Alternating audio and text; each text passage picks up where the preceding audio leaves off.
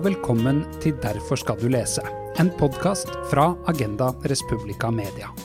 I hver episode inviterer jeg en gjest for å dykke ned i et forfatterskap eller verk på jakt etter det som gjør litteraturen relevant i dag. Mitt navn er Halvor Fines Stretvold, og denne gangen skal det handle om Naomi Klein.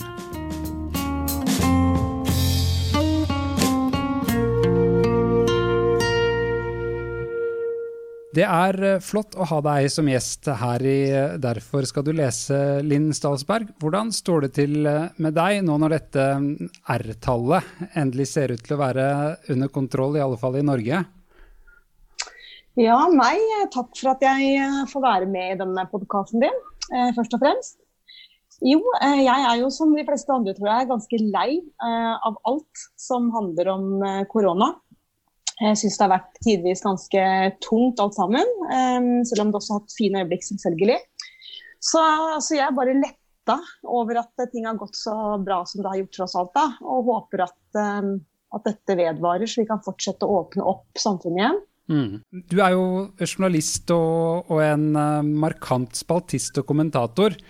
Og så har du utdanning innen sosiologi. Uh, og er selv forfatter med mm, flere bøker på samvittigheten. Og nå sist så har du skrevet 'Det er nok nå', hvordan nyliberalismen ødelegger mennesker og natur. Og det er jo den perfekte bakgrunnen, rett og slett, for det vi skal gjøre i dag, nemlig å prøve å pakke opp eh, to av bøkene til kanadiske eh, Naomi Klein. Nemlig eh, den som heter 'Sjokkdoktrinen', som kom i 2007, og hennes siste utgivelse, on Fire, The Burning Case for a Green New Deal, som kom i fjor. Eh, det er jo til sammen nesten 1000 sider, oppdaget jeg. Eh, men jeg går ut ifra at du har stoffet godt under huden? Ja da, etter beste, beste evne. Nå er det jo en forskjell på meg og Naomi Klein, og det er at hun er jo eh, ekstremt god på å både huske og formidle detaljer. Eh, og eksempler og navn og årstall. Eh, og jeg er motsatt. Så alle sånne slurvete feil som eventuelt kommer frem i denne eh, podkasten, det må jeg ta på min kappe, og absolutt ikke hennes. Med den disclaimeren så skulle det vel være greit, tenker jeg. Vanligvis så, så er det jo bare én bok i, i hver av episodene her, men disse to bøkene de henger såpass tett sammen og på såpass interessante måter at jeg tenkte det var fornuftig å gjøre et uh, unntak denne gangen.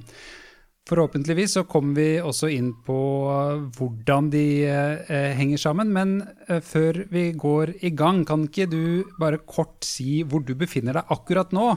Sånn at det blir klart for lytteren hvorfor. Lyden er litt ikke helt studiokvalitet. I god smittevernånd så gjør vi jo opptaket på avstand, ikke sant? Ja, nei jeg er uh, hjemme hos meg selv. På, det er jo der vi har vært de siste månedene, og her er jeg fremdeles.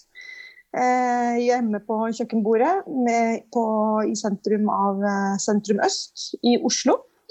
Og rett utenfor vinduet så er det en sånn ferieåpen skole, så jeg hører masse unger som har det gøy, tror jeg, der ute. Så det kan jo også være at lytterne får noen barneskrik. I så fall så er det bare hyggelige skrik. Mm. Eh, målet med denne poden, uh, som heter 'Derfor skal du lese', altså, er å vise hvordan bøker kan gi opphav til viktige refleksjoner for den tida vi lever i akkurat nå.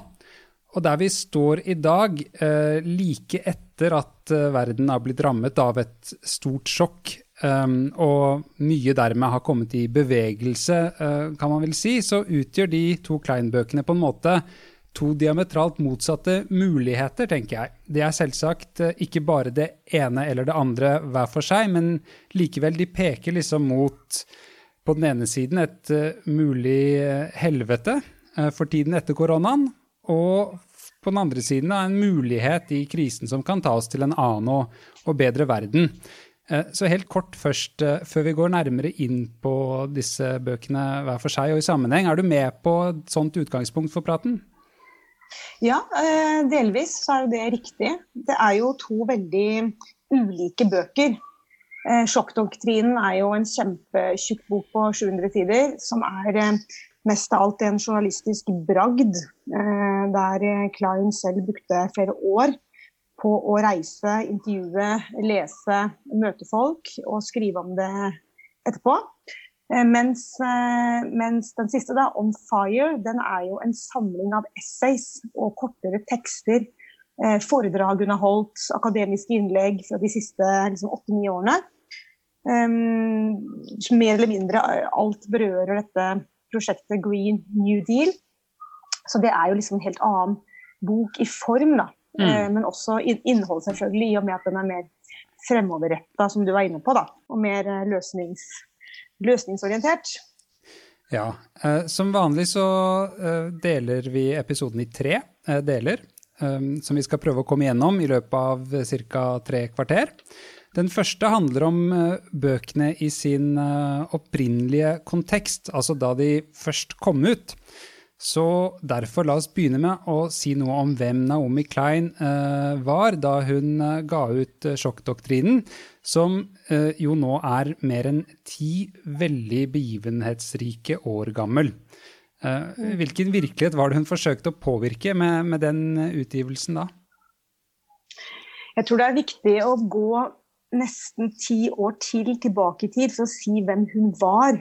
Mm. Altså, Naomi Klein er jo først og fremst en journalist.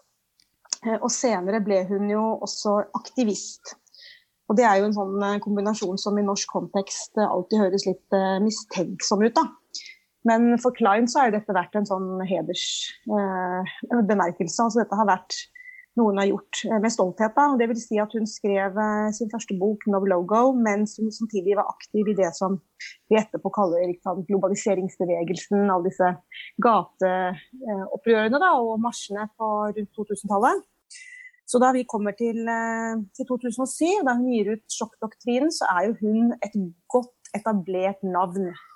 Um, no Logo ble jo en, en kjempesuksess.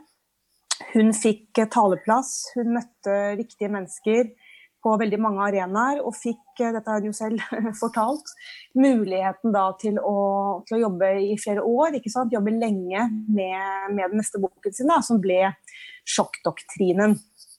Kan du ikke kort bare, før vi går videre, forklare hva denne doktrinen som hun uh, skildrer i den boka, går ut på?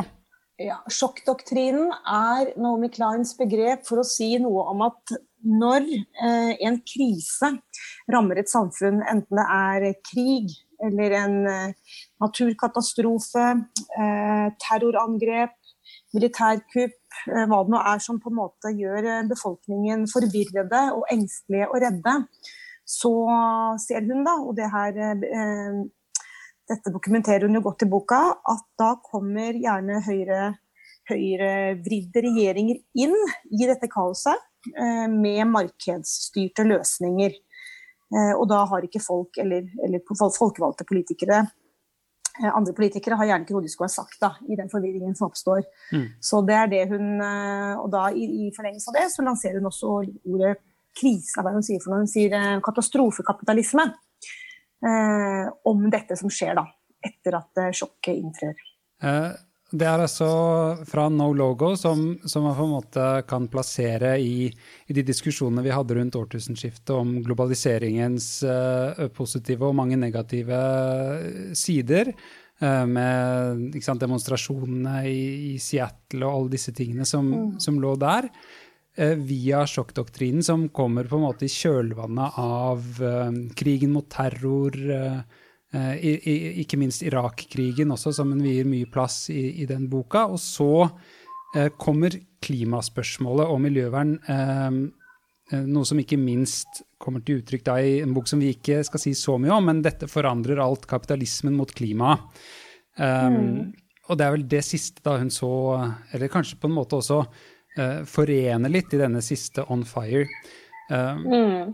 Altså, jeg tenker at Disse trådene har hun jo alltid forent. Jeg tenker Det er jo det som gjør hennes uh, litterære verk veldig spennende og absolutt relevante i dag, selv om det er jo over 20 år siden Logo kom, er at hun har jo faktisk helt fra starten av hatt klima, natur og økologi med i sine argumenter. Mm. Eh, men så har det blitt Eh, som du nevner her, i forbindelse med den boka som kom midt imellom disse to, eh, som vi snakker om nå, så, så ble klima mer fremtredende.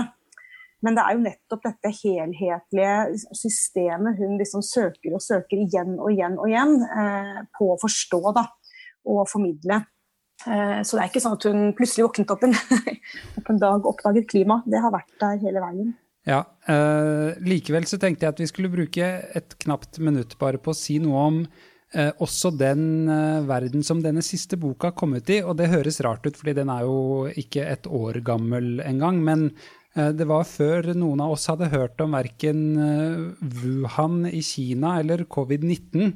Også en tid som jo var kvalitativt litt annerledes enn den i 2007, da, da det var krigen mot terror som, som, var det store dominerende. Og så har jo klima kommet, og så har jo høyrepopulismen kommet, og så har du Trump, og så denne, denne, virkeligheten som vi nå skriver i. Kan du ikke si kort uh, litt om den også? Jo, altså den boka bygger seg jo frem gjennom ti år med essays. sånn at det er et essay som åpner boka, eller det er vel tekst nummer to, tror jeg, som heter 'Climate versus Capitalism' fra 2011. Og det er jo den teksten som har blitt referansepunkt, og som var utgangspunktet for den, den, boken 'Dette forandrer alt'. Så hele den nye boken er eh, Alt er ikke splitter nytt. Det er på en måte en sånn reise da, frem til 2019 gjennom nesten ti år med essays. Um, og det hun, eh, det hun, gjør i den boka, er jo å på ulike måter argumentere for hvordan disse bevegelsene og politikere som uh, er interessert i en annen verden enn den vi har, hvordan de skal organisere seg og hva som er den beste måten å gjøre det på. Og Det er jo derfor den heter også The Burning Case for a Green New Deal, for hun er jo blitt en av talspersonene for dette. Den, den, den, The Green New Deal. da. Mm. Eh, både ja, i, i, flere land som prøver å Så det er egentlig det den, det dreiepunktet da, i alle de essayene er eh, løsningen, liksom den organisatoriske løsningen. Ja. Ok, la oss uh, da bevege oss videre til del to i episoden. Og her er altså planen å si noe mer konkret om innholdet i de to bøkene som vi har foran oss. La oss ta sjokkdoktrinen først, siden den er eldst. Den er et forsøk på å skrive kan man kanskje si, historien om denne katastrofekapitalismen fra dens begynnelse i uh, kuppet mot uh, Salvador Allende i Chile i 1973, via uh, de tiårene som, som, ligger mellom der og, og ja, Irak-krigen, og så tsunamien og syklonen Katrina i, i New Orleans i 2005. Sånn hun beskriver det, så er jo denne sjokkdoktrinen og denne katastrofekapitalismen et slags dyr som eh, vokser og utvikler seg. Mm. Kan du prøve å dra oss gjennom uh, hovedfasene i den utviklingen som Klein mener at uh, sjokkdoktrinen da har hatt i løpet av disse tiårene? Ja, sjokkdoktrinen, da, det ordet og det begrepet, har et konkret utgangspunkt. Altså, det begynner med at hun reiser til uh, Irak og da, Dette er jo en epoke som vi som er såpass gamle som vi er, husker veldig godt. Um, vi husker ting som Abu Ghraib, vi husker fangeleiren til Guantánamo, som fremdeles finnes. Og vi husker disse sorte hullene uh, og anklager om tortur som kom i den forbindelse. Uh, rundt og etter angrepet i Irak. Og Det er jo da uh, Naomi Klein begynner å lure på hvor kommer disse torturmetodene fra.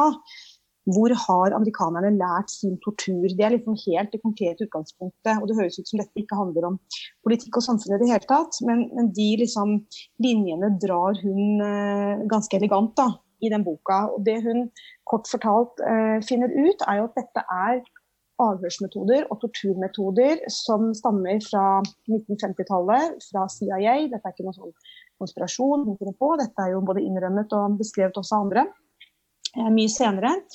Eh, som handlet om å frata folk, altså fanger, da, eller eh, andre som man skulle ha has på, frata de alle sanser og på en måte frata de historien sin, og så begynne på nytt. Utslette minner, utslette personlighet, som hun beskriver. Og så skal man da liksom bygge folk opp igjen. Eh, det var det hun liksom så skjedde rundt 2001-2003 eh, i forbindelse med Irak. Og så finner hun røttene til det i sitt eget, eh, ja, i sitt eget hjemland, da, USA. Hun er jo også ikke bare canadier, men også amerikaner. Mm. Um, og så overfører hun denne tenkemåten til politikken.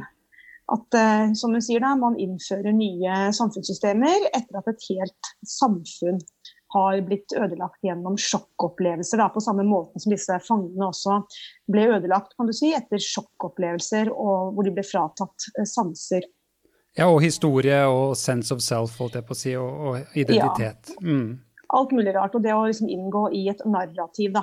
Mm. Det, det blir fratatt disse fangene, og det blir også fratatt samfunn. Så hun mener at denne eh, sjokkbehandlingen som, eh, som da, CIA utviklet sammen med en psykiater, så den, den, kan overføres på politisk metode. Og Det er jo da hun går um, fra, fra, dette liksom, medisinske eksempelet til å eksemplifisere den politikken via Chile. Og, eh, og det som skjedde i Chile på, tidlig på, på 70-tallet. Og det bruker hun ganske mye plass på i boken. For på en måte å fortelle leseren at alle disse historiene vi får om at kapitalisme, som jo er er dette systemet da, som, eh, som, hun snakker om ofte, mhm. ble innført ved, med, med, vold og med brutal, uh, brutale handlinger i Chile på 70-tallet, og ikke nødvendigvis har en naturlig sammenheng med frihet og demokrati, som jo senere har blitt lært opp til. Det er liksom det hun vil vise da, med det chilenske eksempelet. Og skal vi skal vi gå inn på det, eller hva? Vi trenger ikke å gå nøyere inn på akkurat det, annet enn at kanskje er interessant å si, fordi det går igjen i de videre eksemplene hennes også, hvordan torturen, da, som i utgangspunktet var opphavet til, til det bildet hun, hun bruker, eh, dukker opp igjen ikke sant, når det blir protester mot de eh, reformene som blir påtvunget et samfunn. Og folk gjør opprør mot dem, så blir det nødvendig for da uh, styresmakter og, og uh, diktatorer og andre å um, bruke hardhendte metoder og virkemidler for å slå ned da protestene.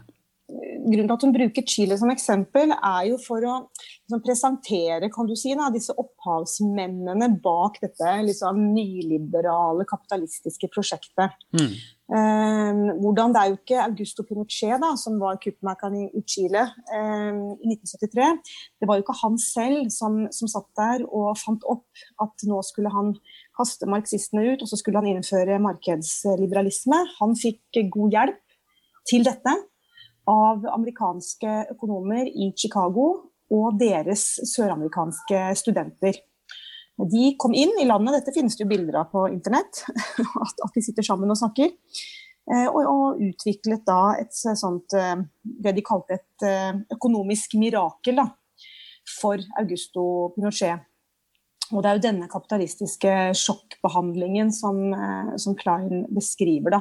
Og det, det, hun også sier, er jo at én uh, ting er at dette ble innført i en befolkning som var i sjokk etter dette kuppet. Det var jo et veldig, veldig voldelig kupp. Uh, men det andre er at det også blir innført ved hjelp av enda mer vold. Da. Og det er jo den volden der hun setter i sammenheng med det som amerikanerne også gjorde da når de brukte sjokkbehandling på på sine fanger, mm. kan du si. Um, og det ble, ble, jo også sånn i Chile at dette fungerte jo innmari dårlig. ikke sant? Altså De kommer inn i 73, de skal innføre privatisering og nedskjæringer i velferd, nedleggelse av fabrikker, de fjerner toll, alle disse tingene vi kjenner igjen da, fra nyliberalismen. Eh, og det funker jo veldig dårlig. Eh, det går noen år, og det er arbeidsledighet og sult og fattigdom og alt mulig gærent. Eh, og da kommer Chicago-økonomene inn igjen med Milton Friedman, som kanskje er kjent for mange, i 75. Og hans råd er jo da til Pinochet at den eneste feil du har gjort her, eh, Pinochet, det er at du ikke har innført nok marked. Og det er jo litt den løsningen vi kjenner igjen også fra nyere tid. At det er ikke nødvendigvis markedet det er feil med, som man hører, men at det ikke er nok av det. Man må åpne mer, eh, privatisere mer, osv. Og, og det er jo også den um resepten som disse Chicago-økonomene eh, skriver ut hver gang det ikke går sånn som de har tenkt seg. Da. At de skal hindre inflasjon, eller de skal sørge for at økonomien kommer i gang igjen osv. Og, så og i land etter land, vi snakket litt om Chile, men det Klein gjør, er å beskrive hvordan dette går igjen da først på tvers av Latin-Amerika, og siden eh, i andre deler av verden, i Asia, i, eh, ikke minst i Europa, i kjølvannet av kommunismens eh, fall og Sovjetunionens sammenbrudd på, på 90-tallet. Det er aldri sånn at det er noe galt med metodikken, det er bare den at den er ikke blitt gjennomført hardt nok og strengt nok, uh, sier da disse uh, ideologene som ligger uh, bak ja. her, og som en henger halen på, da. Ja, det er riktig. Og det er også riktig å, å huske at i, før Chile, altså i perioden fra, fra sånn 40-tallet, da, hvor eh, Milton Friedman og hans kompis Fredrik Hayek og mange andre begynte å utvikle disse nyliberale ideene sine, så var ikke de var ikke populære, disse her. ikke sant? De satt på universitetene sine i Chicago og LSI i London og skrev litt sånn sutrete brev eh, til hverandre og andre om at de, de, ble jo ikke hørt, de ble ikke sett, alt mitt arbeid har vært forgjeves osv. Fordi eh, det var jo noen tiår der hvor nettopp eh, velferdsstat, blandingsøkonomi, sosialdemokrati var populært. Eh, folk ville ha det. Eh, og de, de ble ansett som ganske ekstreme. Og det er jo interessant bare å ha med seg. Da, at De, ja, de jobba med sitt liksom, i små tenketanker og på små institutter på universitetene, men de ble ansett som ekstremister. Så hvorfor skulle man ha dette veldig frie markedet liksom, når det fungerte så bra med statlig innblanding? Mm. Eh, tenk, tenkte folk og politikere. Og fra, fra det, da, eh, inntil det kom med vold i Chile, og til det du beskrev, hvor nærmest hele verden på ulike måter, på ulike måter men like fullt har innført denne type markedsøkonomi, hvor det på 90-tallet etablerte seg som, som en fornuft, da, eh, som det eneste uten alternativer, så, det, så, så, har det liksom skjedd en villet innføring av dette markedssystemet. og Det er jo det også Klein forklarer oss da, gjennom boka, at det, det skjedde jo ikke bare av seg sjøl. Det var jo noen som ville det sånn. Eh, og hvem var de, og ja, hva var metodene deres? Ikke sant. Denne eh, evolusjonen til eh, katastrofekapitalismen, det er i hvert fall ett punkt som jeg tenkte at vi skulle kommentere kort. og Det er jo når hun skildrer hvordan eh, denne gjengen og de som da faktisk skal utøve den markedsliberale politikken, går fra å tenke seg at man kan utnytte allerede foreliggende sjokk, altså type økonomisk nedsmelting eller naturkatastrofer eller annet, og til å begynne å reflektere om man ikke skulle påføre samfunn et, eh, et sjokk for oss å kunne bruke etterspillet eh, for å mm. innføre mm. liberaliserende reformer. Mm. Hvor var det, det den ideen oppsto, og, og, hvordan mener hun at den har kommet til uttrykk? Nei, hun, altså Eksempelet hun gir, er jo et ganske kjent eksempel, er jo Irak-krigen. Eh, hvor USA bombet landet sønder og sammen eh, etter Afghanistan, eller etter bombingen 11.9., eh, hvor de, som Irak ikke hadde noe med å gjøre. da, Selv om nå jeg tror et flertall amerikanere tror at de hadde det. Eh, men det hadde de jo ikke. Og så oppdaget jo Klein da hun var i Irak, og hun var ikke den eneste, at der var det ikke bare amerikanske militære på bakken. Der var også Blackwater, Halliburton, Parsons, og andre kjempestore private aktører som tar eh, markedsandeler kan du si, da, i den krigen. Eh, og skal bygge opp et samfunn hvor de kan tjene, tjene penger på den, som du sa, helt korrekt, menneskeskapte katastrofen. Mm. Og det neste steget som hun peker på, er jo i kjølvannet av uh, Katarina-syklonen i, i, New Orleans, hvor det da blir sånn at det ikke lenger er uh, i uh, ørkenland i Midtøsten at Halliburton og alle de andre skal inn og gjøre seg rike på um, katastrofer, men også da i, i USA selv. Som også er et mm. sånt steg hun, hun skildrer i utviklingen her. Da, at det på en måte blir en sånn selvreferensialitet nærmest. At det til og med begynner å gå på ens eget samfunn. da. Ja, for hun, Det var jo det hun så med sine egne øyne. Hun dro jo til, til New Orleans i 2005. Eh, for å følge opp denne grusomme orkanen som hadde herja rundt i samfunnet der. Og da særlig de fattigere deler av New Orleans, da, hvor de har litt dårligere hus osv. Mm. Og så oppdager hun jo når hun kommer dit at uh, hvem, hvem, står der? Eh, jo, det er jo jammen meg de samme selskapene. Det er Halliburton, det er Blackwater, det er Parsons. Det er liksom de samme store selskapene som står klare til å bygge opp New Orleans i sitt bilde. Eh, og også en hel haug med sånne privatskoleaktører. Da. Eh, noe av det første New Orleans gjorde etter orkanen, var jo å si opp omtrent alle lærerne. Eh, før de omtrent hadde tømt vann i gatene, liksom. Eh, og så sto det da klare private aktører som skulle overta dette her. Så det, det, er jo noe som jeg tror hun selv, selv Klein hun overrasket over. Da. Den hurtigheten i det sceneskiftet der. Mm. Noe av det som er interessant også, som kobler det til uh, denne diskusjonen om en New Green Deal, som uh, hun berører i den siste boka, er at hun beskriver hele Chicago-skolens uh, ideologiske offensiv som et forsøk på en slags motrevolusjon. En bevisst strategi for å demontere da, blandingsøkonomien og, og, det sosiale sikkerhetsnettet og, og vern om arbeidsplasser og arbeidsforhold og osv., som jo kom i stand ved den forrige New Dealen, ikke sant? som mm. Mm. Eh, ble innført på 1930-tallet, og noe av den samme tenkningen som lå i, i Marshall-hjelpen til Europa etter krigen og sånn. Hele den intervensjonistiske tanken da, rundt, rundt mm. økonomi. Ja, altså Eh, altså det som er, som hun hele tiden eh, insisterer på, og jeg kunne ikke liksom være mer enig med henne egentlig, det er jo det at man kan ikke separere eh, sosial eh, fremgang, da, eller sosiale rettigheter eh, for folk, og klimatiltak. Og det er på en måte den dikotomien der som hun utfordrer. Ikke sant? Hun er jo veldig kritisk f.eks. til sånn som Macron, ikke sant? som liksom skal være klimavennlig. Og så setter han appelsinprisene for de fattigste, mens han samtidig gir skatteletter til de rikeste. Det er jo et sånt veldig sånn enkelt eksempel. da. Så Green New Deal handler om det som du sier, det handler om å ta i seg denne sosiale fremgangen som den gamle New Dealen hadde på 30-tallet, eh, men samtidig gjøre det på en grønn måte. Eh, og skape arbeidsplasser f.eks. Med, med å utvikle et, grønn, eh, et grønt samfunn. Da. Grønn økonomi, grønn industri. I en av nøkkelpassasjene så siterer hun han Milton Friedman, altså han eh, ideologen på den nyliberale siden. Det er verdt å ta med det sitatet, tenker jeg det går sånn som det her. Only a crisis Jeg leser det på engelsk, da. Only a crisis, actual or perceived, produces real change. When that crisis occurs, the actions that are taken depend on the IDs that are lying around.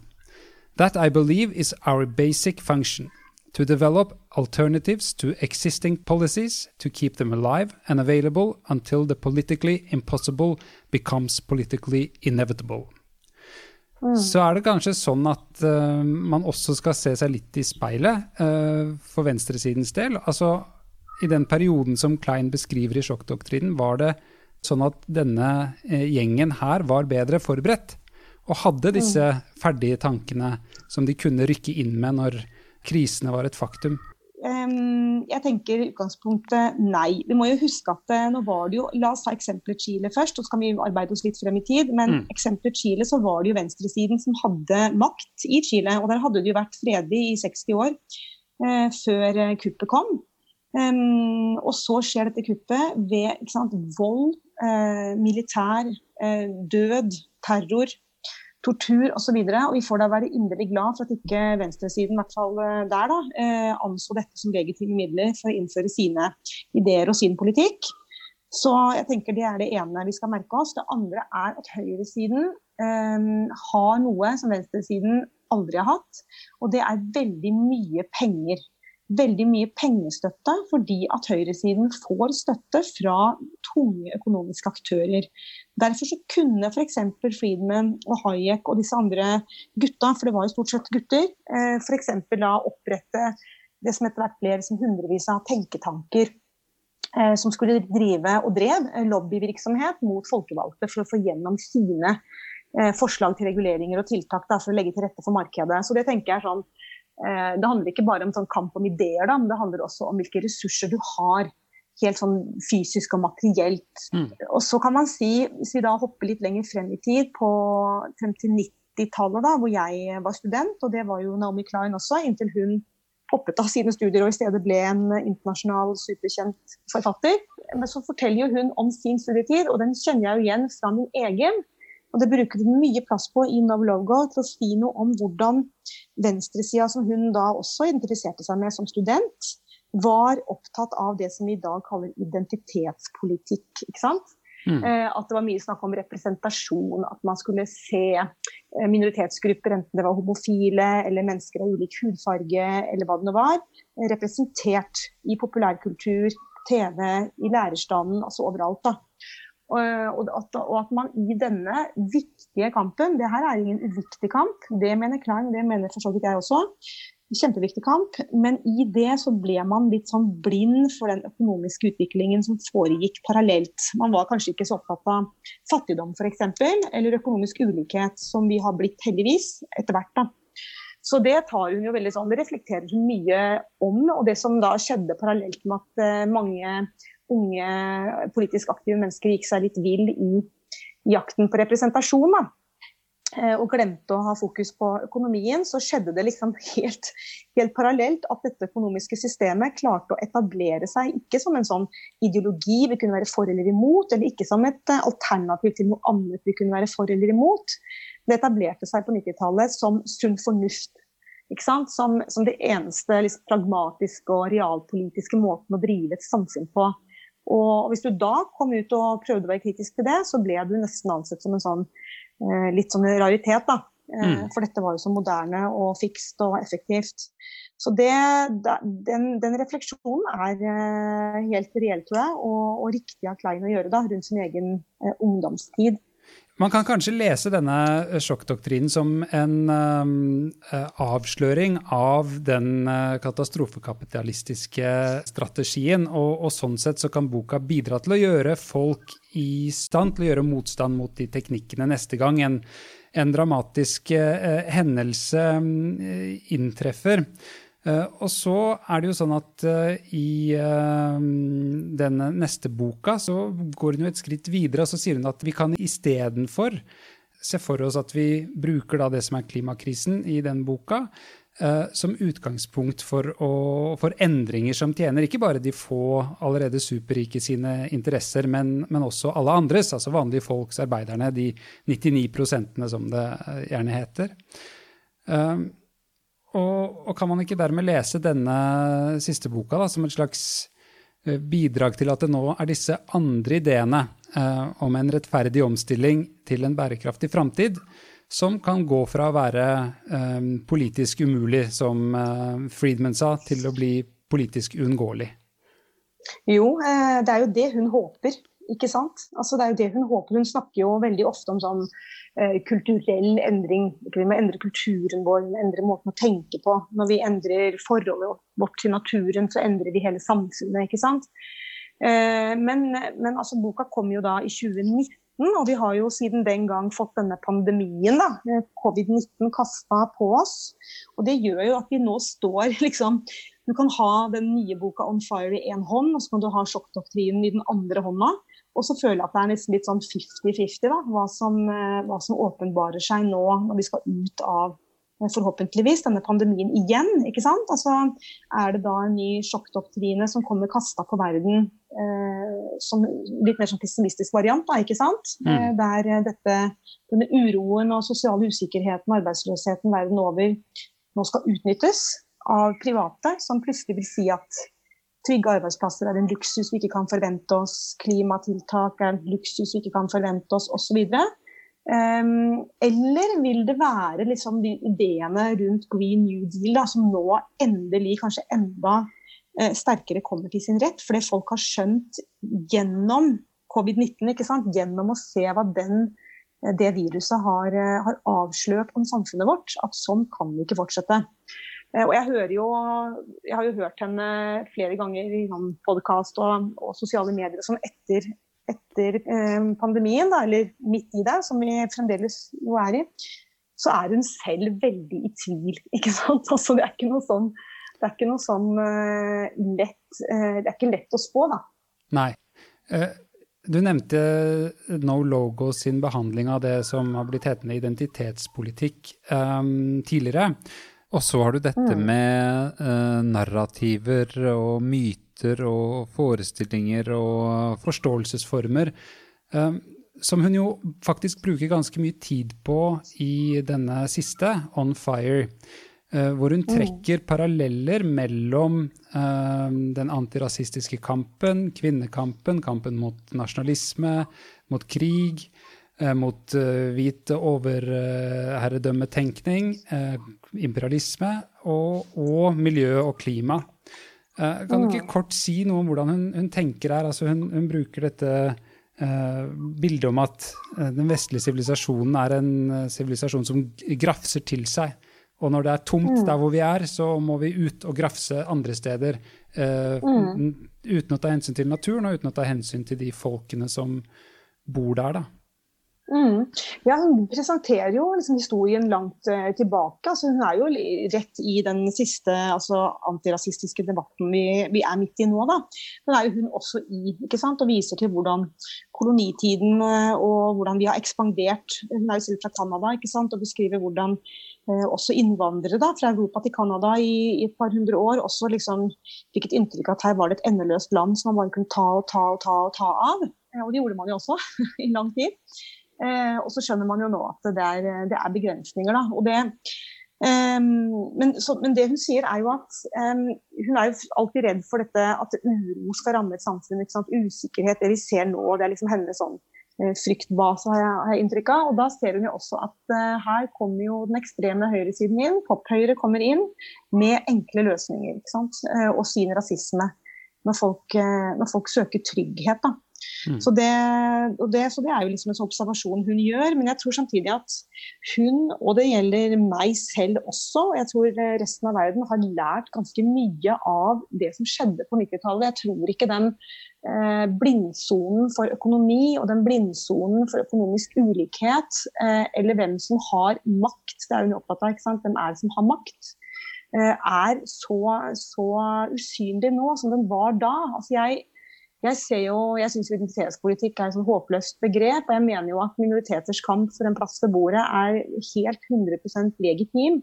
Eh, og at den helt fint eh, ikke bare går hånd i hånd med kampen for en, en annen økonomi og en systemendring, men den er, helt, den er en del av grunnlaget for den endringen. Eh, og det tenker jeg er en sånn prosess. Da. Det er jo ikke sånn at man gjør alle feil om igjen. Liksom. Det at man eh, gjorde noen litt sånn uheldige valg eh, på 90-tallet, betyr ikke at man trenger å gjøre de, de uheldige valgene en gang til. Mm. Tross alt har vi fått Thomas Piketty i mellomtiden, som har en gang for alle etablert eh, verdensgang hadde nær sagt, når det gjelder økonomi og utvikling av ulikhet og akkumulasjon av, av rikdom. Eh, og det tar vi jo alle med oss når vi også skal slåss nå da, for minoriteters uh, rettigheter osv. Hun ser jo for seg Det tror jeg hun også gjør. Ja. Hun, hun, ser jo for seg en, um, en slags samling av alle saker, på en måte. Altså mm. Uh, mm. I, i tråd Altså denne New Deal, den grønne nye dealen, eller climate justice, eller altså en rettferdig um, omstilling, mm. skal på en måte, sånn jeg, sånn jeg leser henne, være Uh, og det er her jeg har lyst til at du, du, skal forklare hvordan hun tenker. fordi på et vis så framstår det som litt sånn Kinderegg-aktig. Altså at det er, det er, løsningen på alt, uh, hvis du skjønner. Og, ja. mm. og, uten at Eller i hvert fall så popper det opp i mitt hode da, en masse sånn um, potensielle innvendinger som går på sånn Ja, men klarer alle disse gruppene faktisk å uh, tenke så holistisk som hun forutsetter, og faktisk gå sammen? og um, Eller ligger det så mange uh, potensielle motsetninger og indre spenninger innebygd her at, at det kan bli vanskelig, da? Mm, det er klart det kan bli vanskelig. Altså, jeg tenker at Det som er Naomi Klein sin fordel, er at hun er vel den iblant oss hadde nær sagt, på hele jordkloden eh, som i snart eh, tre tiår tettest har fulgt eh, sosiale bevegelser. Um, og også i det analysert den økonomiske politikken da, i til enhver tid som disse bevegelsene spiller opp mot. Så hun sitter jo på en sånn utrolig sånn tett kontakt både med bevegelser nedenfra og politikere ovenfra. Og jeg tenker jeg gir henne en sånn eh, tyngde som gjør at vi kan godt lytte litt til henne. Mm. Eh, og jeg opplever henne jo ikke som liksom, ikke naiv, det er ikke noen enkle løsninger, men det er mer en sånn eh, Det som jeg liksom selv prøver å skrive om i den der boka du nevnte innledningsvis, da, at, det, at det er på en måte, for å si det enkelt, da, det er et et onde her som er roten til veldig mye vondt. ikke sant? Det er eh, rørledninger gjennom eh, urbefolkningens eh, landskaper og fjell, ikke sant? som er, er den samme liksom, eh, roten som gjør at eh, arbeidere får eh, fabrikker i hodet i India når de syr klærne våre. Det er de samme som gjør at det er liksom, arbeidsledighet fordi at fabrikkene er flyttet til India fra vår del av verden osv. og at velferdsstater må kuttes og kuttes og kuttes. Det er også den samme, samme politikken, da. Og som selvfølgelig eh, presser på natur og, og jordklode for å kunne ha det som, det som kapitalistene fremdeles tror er uendelige mengder, mengder råmaterialer. Da. Hun, og dette er jo det hun skriver om og, og liksom gjentar kan du si, gjennom alle bøkene sine. Det er ett problem i bunnen her. Og så er hun litt sånn så kan du si er hun en sosialist, er hun en antikapitalist? Og der er jo Naomi Klein liksom veldig rund i formuleringene, da. ikke sant? Hun, hun, skriver gjerne om antikapitalisme uten at hun selv kaller seg antikapitalist. Hun skriver om eh, sosialdemokrati og ikke sosialisme uten at hun verken definerer seg som en eller andre. Altså hun, hun er jo liksom retorisk sterk ikke sant? og prøver å favne flest mulig da, inn i disse fortellingene sine. Så jeg tror, at, eh, jeg tror hun er liksom inne på det som er litt sånn tidens tegn. Altså jeg leste akkurat eh, eh en sånn type rapport hvor det sto at i fjor, 2019, så var det det året i vår moderne historie, sikkert fladhistorie, historie, hvor det har vært flest demonstrasjoner og flest gateopprør noensinne. Og man kan begynner å tenke etter, så vet man jo egentlig det. ikke sant? Chile, altså Chile Hongkong, Ecuador, Libanon osv. Det er jo det er jo spredd. Det, men det hun ser, er at og det observatorier ser, at selv om det er ulike sånne gnister da, som liksom setter i gang disse demonstrasjonene, så er det det samme som ligger i kjernen der. Økonomisk ulikhet og svake stater som ikke klarer å ta grep. Og det tenker jeg, så Hun er, liksom, hun er på sporet av vår tid, ikke sant? og hun definerer vår tid. Jeg syns hun, eh, synes hun er liksom veldig parallell med vår tid da. Uh, og ikke, ikke tegne et sånt glansbilde, liksom. Det er jo det her som skjer. Mm. Og så er jo spørsmålet kanskje om, om alle disse uh, spredte uh, opprørene, opptøyene og demonstrasjonene får noen sånn felles overbygning og, og ja. kan rettes inn mot et, mot et mål, da. Men ja, ja, vi nærmer oss siste og tredje del i, i podden, og da er det på tide å adressere spørsmålet som, som tittelen, altså 'Derfor skal du lese Naomi Klein', um, mm. uh, henviser til mer direkte, tenker jeg. Så uh, hvorfor skal vi gjøre det? Hvorfor skal vi lese Naomi Klein nettopp nå, altså i sommeren 2020, i den situasjonen vi står i? Vet du hva, Det er akkurat nå vi skal lese Naomi Klein. Og jeg leste opp igjen disse bøkene før denne podkasten. Det er jo noen år siden sist, med unntak av den siste. Eh, og de står som påler. Og jeg tenker at eh, det er ting her hun skrev for 20 år siden som jeg tror veldig mange fremdeles ikke har liksom grepet, eller begrepet, begripet, hva det heter. Eh, og, og, det her skal vi lese nå, for hun går i alle bøker inn i en Hun ønsker å forstå system. Hun ønsker å forstå hvordan system rammer enkeltmennesker, og hun søker å forstå hva Eh, man kan gjøre for å møte disse urettferdighetene da, som, som, rammer både mennesker og naturen rundt oss. Så jeg tenker mer enn noensinne skal vi lese Naomi Klein. Og jeg må jo si jeg følger henne som nevnt også på sosiale medier, og det anbefaler jeg alle å gjøre. Er, eh, hun er jo et, eh, en kapasitet, ikke sant. Hun har jo nå fått et så stort navn at det er jo ikke den internasjonale kjendisøkonom eller politiker hun ikke går i dialog med. Og det er spennende, spennende dialoger. Og jeg tror som jeg sa, at du kan stå nå midt i pandemien med bøkene hennes i hånda, og du, en, eller annen, en eller annen av bøkene får rett liksom, når vi mm. kommer ut av den. Både som advarsel og som, og som løsning. Ikke mm. sant. Og for bare å helt til slutt uh, gni inn det poenget, da. Uh, hvis det nå er uh, dystopien som blir realisert, altså mm. sjokkdoktrinen, Hvilken framtid er det i så fall vi får? Jeg tror vi får en verden som ligna veldig på den eh, vi kom fra, eh, bare litt verre. Mm. Rett og slett. Altså at, eh, at, man vil se klimareguleringer bli forbigått. Man vil se åpninger for, for bruk av natur som hittil har vært liksom regulert da, av hensyn til arbeidsplasser. vil man jo selvfølgelig begrunne de, ikke sant? akkurat som det ikke skulle finnes andre arbeidsplasser man kunne ha fokus på i stedet. Og jeg tror man vil se et tøffere arbeidsliv.